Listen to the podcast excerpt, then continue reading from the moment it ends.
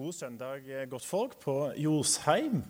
Så fint å være her. Tusen takk for invitasjonen til å komme her og besøke dere. Bli litt kjent med, med flokken her.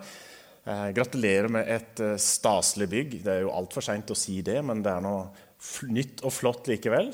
Et bygg til Guds ære og til velsignelse for, for dere og for, for hele bygda her. Hvem jeg er, eh, det kan jo sies på mange måter. Jeg har vært både katolikk og ateist. Så har du det i bakgrunnen. Men de siste 30 årene så har jeg eh, kalt meg en etterfølger av Jesus. Og jeg prøver å leve og finne ut av hva det betyr for noe i hverdagen. Eh, jeg er da gift med Bøyt Johannes, som jeg har med meg i dag. Så har jeg tre voksne sønner. To av de har funnet seg fantastiske svigerdøtre, til og med fra Karmøy. Og en av de har klart å da produsere et barnebarn, så jeg er blitt farfar. Fantastisk liten kropp på 15 måneder i Bergen som gjør at uh, lengten den er stadig sterkere for å, for å være sammen med han. da. Eller så er jeg jo da pastor i Karmøy frikirke uh, og har vært det ganske lenge. Så jobber jeg som tilsynsmann i Frikirken også reiser opp og ned langs kysten og prøver å se til menighetene våre der, da. Eller så liker jeg å bevege meg utendørs og i det hele tatt glad i å være i aktivitet. Så det var litt om meg. Og så har jeg fått en invitasjon her til å tale om 1. Peter 4,10. Men så Om det var en liten sånn eh, profetisk tilsnitt, det vet jeg ikke. Men i hvert fall så på nettet så sto det noen dager her at jeg skulle tale over 1. Peter 4,3. Så kanskje er det et behov som ligger på Josheim. Jeg vet ikke om du har lest den teksten, men her står det 1. Peter 4,3. Det er nok at dere i den tiden som er gått, har levd slik hedningene vil, i utskeielser og lyster, i drikk, festing og fyll og forkastelig avgudsdyrkelse. Det hadde vært en spennende tale, og en, i hvert fall en spennende invitasjon. Men eh, jeg eh, sjekka opp, og jo, det var 4-10 det skulle være. Så, så jeg har landa på det, da, hvis noen hadde en forventning om noe helt annet. Eh, det står nå der. Eh, ber en bønn. God far, takker deg, Herre, for at eh, du er her. Takk for at eh, ordet ditt er sant. Takk for at vi kan få lov å komme og ta imot fra deg. Ta imot din ledelse ved din ånd. Og jeg ber deg, far, om at eh, du skal tale til oss i dag, og ikke la meg stå i veien for det som du vil si, far. Og du virker med ånd og kraft. Amen. Så vil jeg lese litt av det som står foran, ikke så langt som til vers 3, men fra vers 7 så står det da i 1. Peter 4.: Slutten på alle ting er nær. Vær derfor sindige og edru. Det har vi fått med oss nå. Så dere kan be. Framfor alt skal dere elske hverandre inderlig, for kjærligheten skjuler en mengde synder. Vær gjestfri mot hverandre uten å klage. Tjen hverandre, hver og en med den nådegave han har fått, som gode forvaltere av Guds mangfoldige nåde. Den som taler, skal se til at han taler som Guds ord, og den som tjener, skal tjene med den styrke Gud gir slik skal Gud i ett og alt bli æret ved Jesus Kristus. Han tilhører herligheten og makten i all evighet. Amen. Og dette er da Guds ord. Og nå har vi egentlig fått det. Nå har vi lest det, vi har hørt det, så nå kan vi bare gå hjem og praktisere. Takk for i dag. Men så fungerer det ikke alltid sånn, da, så jeg skal holde på litt til. Men eh, jeg vil gi dere da et bilde på veien her som du kan eh, kanskje ha liggende bakom det andre jeg sier. Vi er så heldige hjemme hos oss at vi har en, eh, en ovn med stort vindu på, så jeg kan sitte og se inn i flammene. Og det er noe av det, det liker jeg godt. Det finner jeg en stor fred med. Men så samler vi jo ved her og der, og det er ikke alltid det brenner like godt. Så noen ganger så er det sånn at bålet ikke tar skikkelig fyr. Det brenner litt her, og det brenner litt der.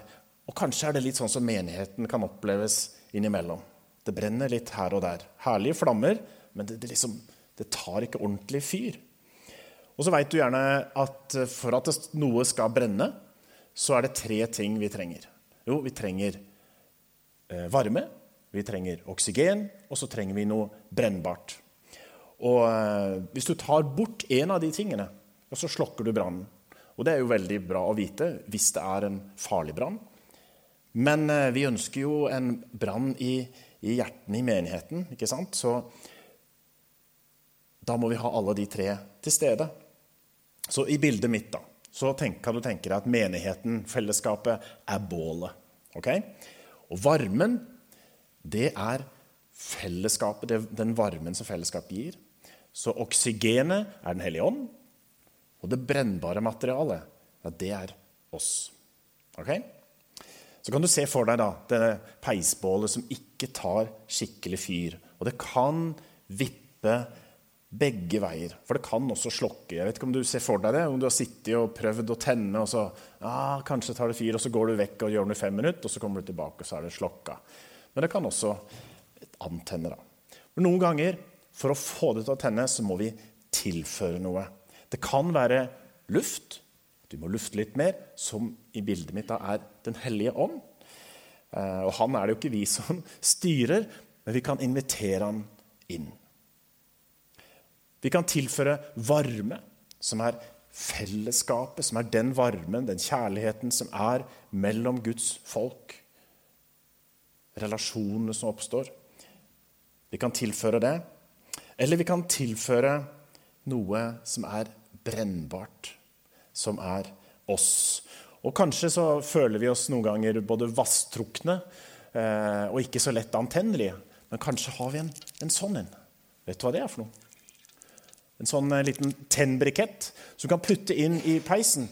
Og det tar fyr omtrent uansett. Og er du flink, så holder det kanskje uten, men eh, kanskje holder det med én. Kanskje må du ha flere. Men i hvert fall å bruke det, eh, det funker.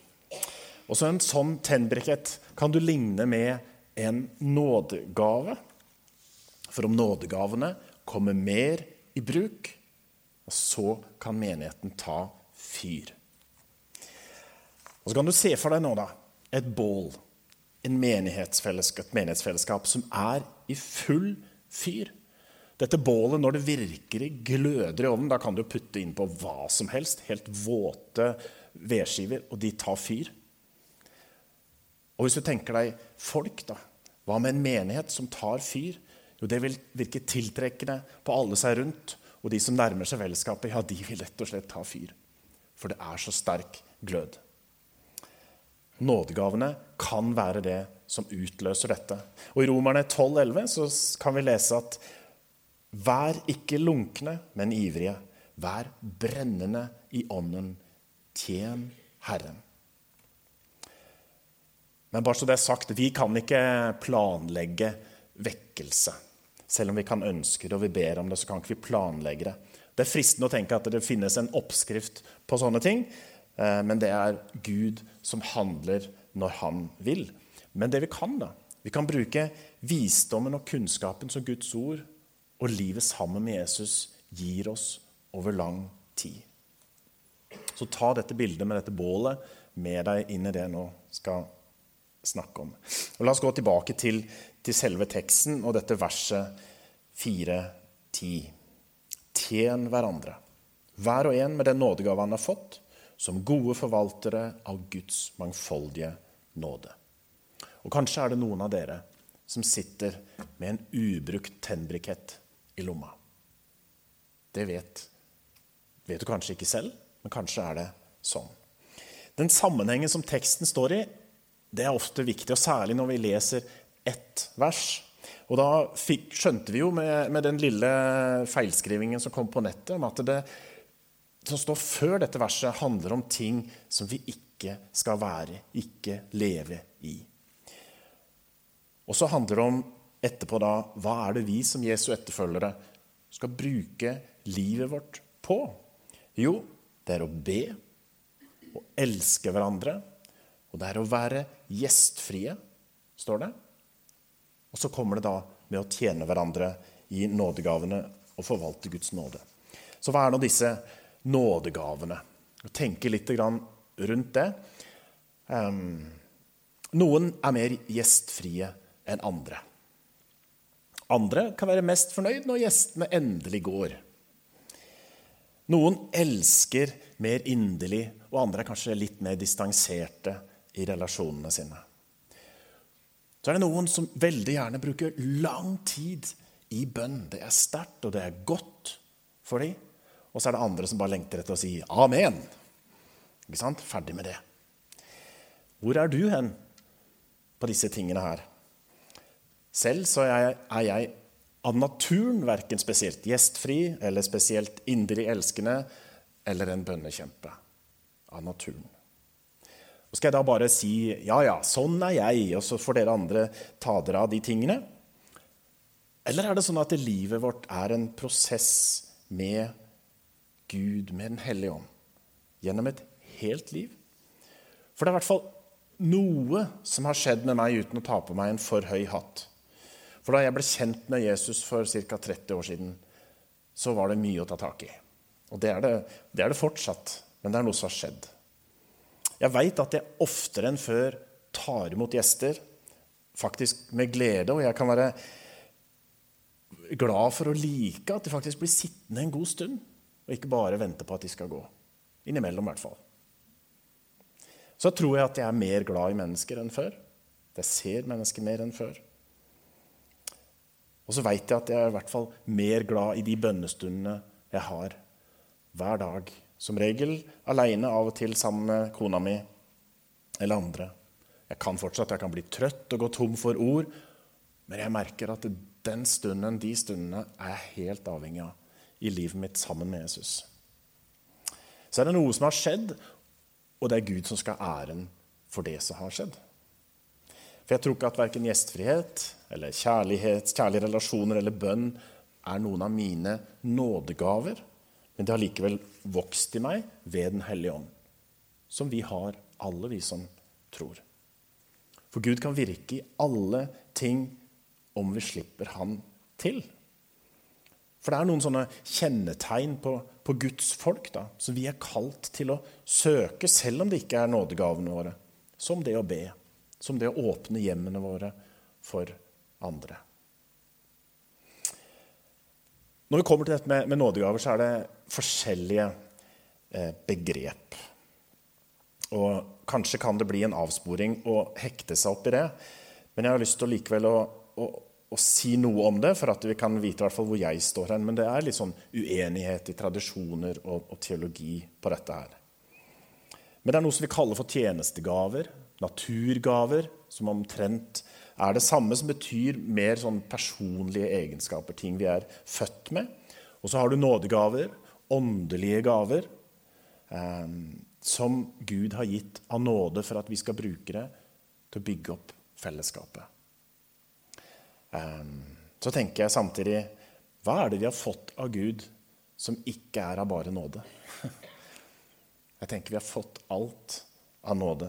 Og det som er viktig, er ikke definisjonene, men det er at nådegavene er i funksjon. Og Jeg har lyst til å si noe om fem kjennetegn på nådegaver. Og Det kommer på den ene sliden der. For det første så tror jeg at en nådegave bringer andre mennesker nærmere Jesus. Og Da kan du sikkert se rundt deg i rommet her. Så dere kjenner hverandre gjennom mange år, noen av dere og vite det at når den personen er i den tjenesten, ja, så skjer det noe med andre mennesker. De blir trukket mot Jesus. Eh, det kan være en person som er knallgod å spille et musikkinstrument, men det skjer ikke nødvendigvis noen ting annet enn at folk blir imponert. Så kan det være en som ikke er fullt så flink, men når den personen spiller, så får Gud ære, og mennesket blir berørt, og de kjenner at det, det blir trukket mot Jesus. For det andre så er det nådegave der for å bygge opp fellesskapet. Den er ikke gitt deg for at vi, skal, at vi skal føle oss bra og være litt kry av at 'yes, jeg har den gaven'. Den er der for å bygge opp fellesskapet. Det er Guds ønske. Og så er det dette at alle kristne er gitt nådegaver. Jeg skal si en del mer om det etterpå. Men det er ikke alle som har oppdaga gaven sin enda, som har den tennbriketten fortsatt i lomma så vil de fleste erfare at den gaven som du har, ja, den er ønska av deg.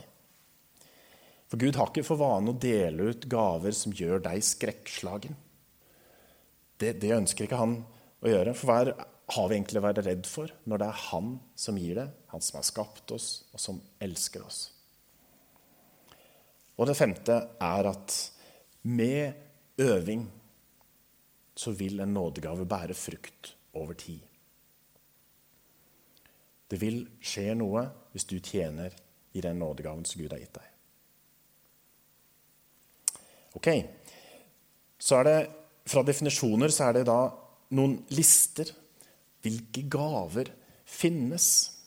Og Her er teologene enda mer uenige. Men de tre mest, kjente tekstene som alle bør kjenne til og lese, det er 1. Korinterbrev 12, det er Romerne 12, og det er Efeserne 4. Det er bra å lese det. Og så er det tydelig at det finnes nådegaver som ikke er med i de listene. Så grav dypt i Guds ord og søk kunnskap om nådegavene. Det tror jeg er en viktig bit. Men det er enda viktigere at vi søker Gud i bønn for å finne nådegavene og trene oss i å bruke dem. Jeg leser litt fra Romerne og første Korinterbrev. I Romerne 12, 4-5 så står det Vi har ett legeme, men mange lemmer, og alle lemmene har forskjellige oppgaver. På samme måte er vi alle ett legeme i Kristus, men hver for oss er vi hverandres lemmer. Her er det noe med helheten og hverandre. I 1. Korinterbrev 12 det er forskjellige nådegaver, men ånden er den samme. Det er forskjellige tjenester, men Herren er den samme. Det er forskjellige kraftige virkninger, men Gud er den samme, han som virker alt i alle. Så det er Gud som gir. I disse tre tekstene så finnes eh, disse gavene som jeg nå nevner, fort. Det er profetisk gave, tjenergave, lærer, trøster, gaven til å gi, til å lede, barmhjertighet, til å tale visdom, trosgave, som ikke er gaven til å tro på Jesus, som alle har. Det er gaven til å helbrede, til undergjerninger, bedømme ånder, det er ulike typer tungetale, til å tyde tungetale, apostler, evangelister og hyrder. Og Gud er en skapende Gud, så han skaper noe nytt i oss. Og så er det noe som heter eh, da, naturlig menighetsutvikling, som dere kanskje kjenner til. Jeg vet Arvid Hunemos er, eh, er en eh, kjenning her på huset. Og han eh, jobber innenfor dette her. I, um, gjennom flere tusen menigheter og ved forskning på Gamle og Nye testamentet så har naturlig meningsutvikling kommet fram til en liste som du nå skal få se, hvor de har landa på 30 nådegaver. Og Så går det an å mene mye om det, men hensikten med en sånn liste er at det kan være en måte for deg å, å, å søke gavene på. Og ja, kan det være en gave? Er det noe Ja, det spiller litt på lag med den jeg er, og det som er i mitt liv. Så kan vi se på hvilke bibelske personer er det som hadde disse gavene, og hvordan er det en, en sunn praksis i å tjene i de og, og leve i de. Ok, vi skal gå litt nærmere på, på dagens tekst og dele den litt opp. Tjen hverandre. Det handler jo om at det ikke er oss sjøl, men det er til beste for andre, til beste for fellesskapet. Å tjene hverandre. Og så er det hver og en. Nådegavene er ikke for noen spesielt utvalgte. Og hver og en, hvem er det som ikke regnes med der? Jeg har lyst til å tale til tre grupper i en menighet. Ikke alle er like godt representert her nå, men jeg har lyst til å, å si det. Og de gruppene kan ofte se på seg sjøl som litt uaktuelle. Og jeg tror hver og en også er dere eldre. Jeg vet ikke når eldre begynner. Jeg føler jeg begynner å nærme meg, men det er noe der. Kanskje er det dere som ikke har barn hjemme. Kanskje er du pensjonist. Kanskje har du et liv som leves alene fordi du har blitt alene. Dere er en stor ressurs for fellesskapet. Sjøl så drømmer jeg om å bli en sånn gammel som har levd så tett på Jesus over så mange år at det er godt å bare være i nærheten av meg. Det er, det er, en drøm, og det er en svær drøm. Um, som kan dele omsorg, som kan dele visdom. Som rett og slett er en som blir mer lik Jesus. Jeg er helt sikker på at det finnes sånne her, som det er bare godt å være i nærheten av. Og fellesskapet her trenger deg virkelig. Du er aldri avskilta. Så tror jeg hver og en også er dere yngre. Og det er de som ikke, kanskje ikke er så sterkt til stede akkurat her nå, men dere får ta det med til dem. Kanskje de som ikke har etablert et eget hjem ennå, som tenker at dere ikke har så mye ansvar, for livet er mest en, en lek. Men det er ingen som griper nye ting så lett som de. Og det er ingen som er så uredde som de, og ingen er heller så radikale i etterfølgelsen av Jesus som de. Og fellesskapet trenger de virkelig at de også tjener sine gaver. Og så tror jeg hver og en, også alle dere her som kjenner at du er så travel, eller så syk, eller så satt tilbake, så sliten, at du tror at du har ikke noe å bidra med. Jeg tror det å følge Jesus handler om å leve med ham midt i livet. Midt i oppvask, i busskjøring hit og dit. Gjennom smerten, gjennom sorgen gjennom utfordringene som livet gir. For i det så er du et troverdig vitne, en som folk vil lytte til. For sannsynligvis så er du veldig menneskelig. Du er sårbar, og du er åpenbart ikke feilfri. Og det gjør at du er en som folk vil lytte til. Og fellesskapet her trenger deg. Og så tror jeg selvfølgelig det gjelder alle andre som ikke kjenner seg hjemme i noen av de tre kategoriene. For det handler ikke om å finne tid eller krefter for å gjøre noe mer, men mer om å være på rett sted til rett tid. La deg bruke av Gud. Det var hver og en. Og så står det videre med den nådegave han eller hun har fått. Vi har alle fått minst én nådegave. Har du funnet dine? Du skal slippe å rekke opp hånda nå, men hvis jeg hadde spurt hvem kjenner sine gaver, hvor mange hadde frimodig rukket opp hånda si? Det skal vi ikke gjøre her, det kan dere gjøre en annen gang. Ehm, men for noen så er dette full brems. For den godeste Jante, han lever eh, godt i oss. Du skal ikke tro at du er noe. Og det er litt sånn kristelig Ja, men jeg, jeg er jo bare meg. Jeg har jo ikke noe som er spesielt, ikke sant? Men hør. Begrepet er nådegave. Det er en gave som vi har fått helt ufortjent. Vi har ikke fått den fordi vi kvalifiserer til noe spesielt, eller fordi det er en takk for lang og tro tjeneste. Det er bare av nåde vi har fått den. Sjøl har jeg leda denne menigheten som vi kaller for Karmøy frikirke, i 23 år sammen med kona mi. Og det har vært mye godt. Føler kanskje vi har mangla det store åndelige gjennombruddet.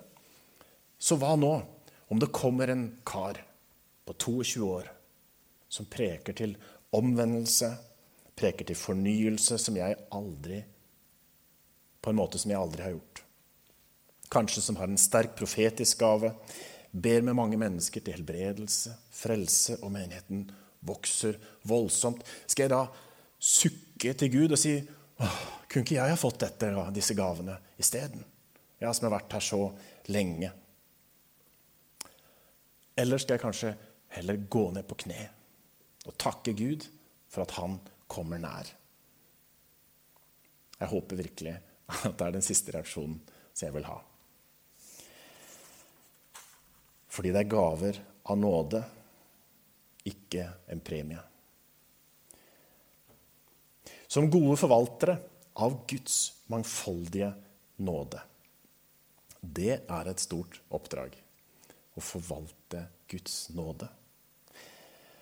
En forvalter tar i bruk det som gis, på en måte som samsvarer med hensikten som det er gitt. La oss ta et eksempel som, som kanskje stemmer her i dag. Kanskje er det en av dere som helt fra du kom hit, så har du tenkt på at før jeg går i dag, så må jeg huske på jeg må be for han eller hun. Kanskje er det sykdom, kanskje er det indre ting. Men det er det eneste du sitter og tenker på. Og da kan det godt hende at sannsynligheten den er ganske stor for at det er din gave. Og da er forvaltningen av den gaven, for da sitter du med en, akkurat som en nådebudskap, en nådeshandling, som du kan gi videre til en annen. Så forvalt, god forvaltning av den gaven er å gjøre det. Før du går, ja, så gjør du det. Trenger ikke være oppmerksomhet rundt det, for det handler om at det er én person. Det er ett eksempel på å forvalte Guds mangfoldige nåde på en god måte.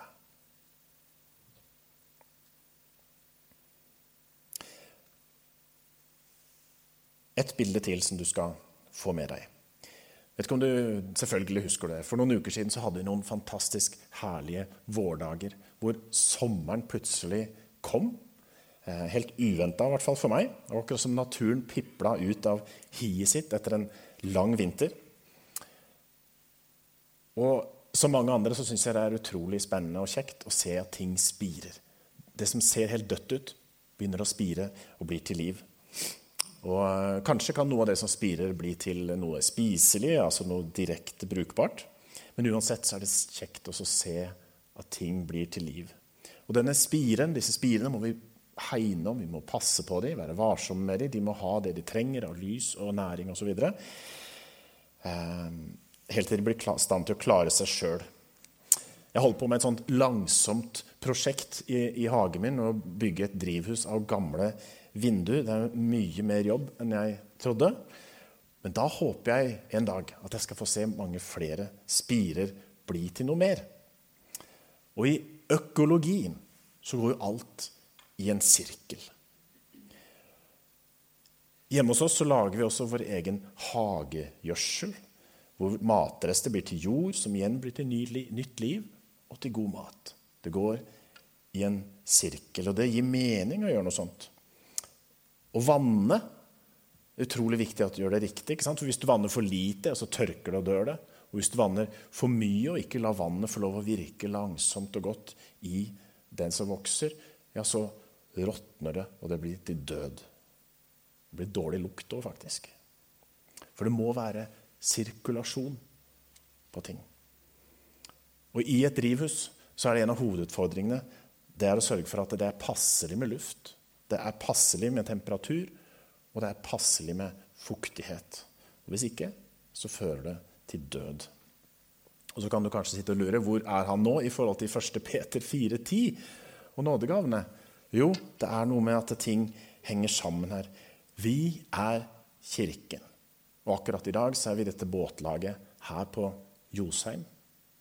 Men vi er kirken. Fellesskapet av de hellige. Vi er ett legeme, mange lemmer, én kropp med mange kroppsdeler, som må virke sammen. For alt henger sammen. Vi må ikke være planter som bare tar imot vannet, som er det Gud gir. Vi er kalt til å bruke det vi får, for det er naturlig. Naturlig i naturen, det er også naturlig veldig ofte i våre liv. Det som er unaturlig, det er å la det ligge. Vi gir noe videre, ikke for å gjøre oss fortjent til en plass i fellesskapet, men fordi det er sunnhet. Et sunt Jesusliv, det er å bruke det han gir oss. For da vil det spire bak oss der vi går. Og disse nådegavene som vi snakker om, de er en del av den sunne sirkulasjonen i Guds rike, i, i fellesskapet. Så helt til slutt jeg tror det herfra er to ting som er viktige, og som kan være en vei å gå på for deg. Eh, før jeg sier det, så vil jeg bare ha lagt til grunn at eh, hvis du nå, på bakgrunn av din tradisjon, på bakgrunn av din bagasje, opplever at jeg prøver å pålegge deg noe som er et åk, så er ikke det fra Gud. Tar du den? Det er utrolig viktig. Men han har et liv for oss som han ønsker at vi skal gå inn i. Av nåde. Og det er det jeg snakker om. Og De to tingene som du kan ta med deg og ha oppmerksomhet på framover, det handler om å søke og trene. Å finne dine gaver. Om du er 14 eller 84, så kan det være like spennende. Leit etter de, be over de, søk de. Hva er dine gaver? Kanskje har du visst for 20 år siden at ja, mine gaver er der, og så har du akkurat som livet har bare tatt deg, og så har du ikke du har glemt at du har de gavene, og glemt å tjene i de. Og Det er ingen fordømmelse i det. Da er det bare en mulighet. Tenk om du kan ta det i bruk. For en velsignelse det vil være for deg selv, og aller mest for menigheten. Eh, hos oss så skal vi faktisk eh, tilby en sånn nådegavetest for alle som vil i menigheten. For å kartlegge og finne ut hvilke gaver har vi. Stemmer det vi holder på med, overens med de gavene menigheten har? Matteus 7,7 så står det Be, så skal dere få. Let, så skal dere finne. Bank på, så skal det lukkes opp for dere. Jeg tror det er sant også i forhold til nådegavene. Når vi søker Gud, vis meg. Og En annen vei er selvfølgelig å lese Guds ord, som jeg nevnte. Det fins litteratur om nådegave. Snakk med mennesker som fungerer i en gave. Snakk med dem og, og finn ut hvordan, hvordan er det å tjene i den gaven. Og så er det viktig å ikke begynne å kategorisere seg sjøl eller sammenligne med andre. 'Å ja, han har den gaven, eller hun har den gaven.' Ja, det er litt uh, høyere enn meg, ja. Min gave er ikke så veldig verdig. Ja, det er ikke noe sånt som gjelder. Det er en tankegang som bare fører til splittelse og vondt. Vi må ikke gjøre det. Vi kan leite etter våre gaver, så vi kan begynne å tjene i de. Og Den andre tingen er å trene i de gavene. For om du tenker ja, kanskje har jeg den gaven, hvordan kan jeg trene meg i den? Hvordan kan jeg øve meg i den gaven? Kanskje er du med i ei smågruppe, en bibelgruppe. Det er i hvert fall en, forhåpentligvis en trygg arena hvor det er rom for å feile. Du sitter og ber, og så kjenner du at du har et ord som dukker opp. Våg å dele det. Det kan være en profetisk tale til et annet menneske som virkelig trenger det, for å sette retning, f.eks. Um, ehm,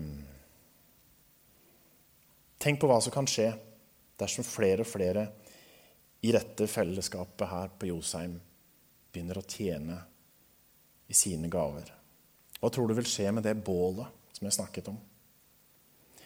For Jeg tror at nådegaven er Guds berøring med sitt folk. Og når vi tjener de, så er det trosstyrkende, det er oppmuntrende for hverandre. Og det er flere som vil se på sin egen tjeneste som meningsfullt og kjekt. Ikke bare noe vi gjør fordi det er en del av dugnaden å være menighet. Og for all del, dere som nettopp har vært gjennom en krevende byggeprosess. Det er klart det er noe der som ikke var med i din gaveutrustning, og det er flott, og sånn må det være til tider. Sant?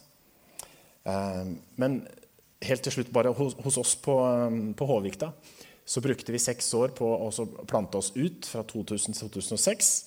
Og i startfasen av en menighetsplanting ja, da gjør jo alle det som trengs, for det er jo ikke noe andre å ta av. Vi er ti stykker, så kan ikke du begynne å si at ja, men jeg har gaven til det. Og så, ok, det funker ikke. Alle gjør det som trengs. Og vi har brukt for lang tid til å komme oss ut av den fasen. Nå er vi rundt 100 mennesker. Og vi driver fortsatt og gjør det som trengs. Og resultatet av det har blitt at altfor mange har gått trøtte. Altfor mange har blitt til dels umotiverte, for de har bare gjort det som trengs, istedenfor å leite etter gavene sine og tjene der som de har fått gave fra Gud, utrusta til å være. Det tror jeg er utrolig viktig. Så vi har starta på en retningsendring som vi håper skal sette folk fri til å gå ut av en tjeneste og til å gå inn i en tjeneste som samsvarer med gaveutrustningen. For i nådegavene så tjener vi ut ifra et overskudd fra det som Gud gir, og ikke fra våre egne begrensa kilder. Og ikke minst så er nådegavene, når de brukes, et sterkt vitnesbyrd for de som ikke kjenner Jesus. De som ikke tror så mye enda. For dem så er nådegavene kanskje og ofte veien inn. Tenk hva som kan skje med fellesskapet dersom bålet virkelig fatner. Det er bønnen min for Josheim, det er bønnen min for Karmøy frikirke og for hele Karmøy, hele Norge. Tenk om det kan skje. Og jeg tror nådegavene i vår tid er enda viktigere enn det har vært. Takker deg, far, for at det er gaver av nåde. Jeg takker deg for at vi er dine barn av nåde. Jeg takker deg, Herre, for at du ikke ønsker å legge åk på oss, for ditt åk er lett, Herre. Hjelp oss å forstå det. Og hjelp oss, Herre, til å ta imot det som du gir, og frimodig leve i det og tjene i det. Herre, jeg ber deg for, for Josheim, for fellesskapet, menneskene som til daglig er her. Jeg ber om at de skal få lov å finne sine gaver, tjene i de. Og at de som frukter skal få se at du arbeider i mennesker og tar store og små og eldre nærmere deg, Jesus. Og du gjør ditt verk, og du alene skal ha ære.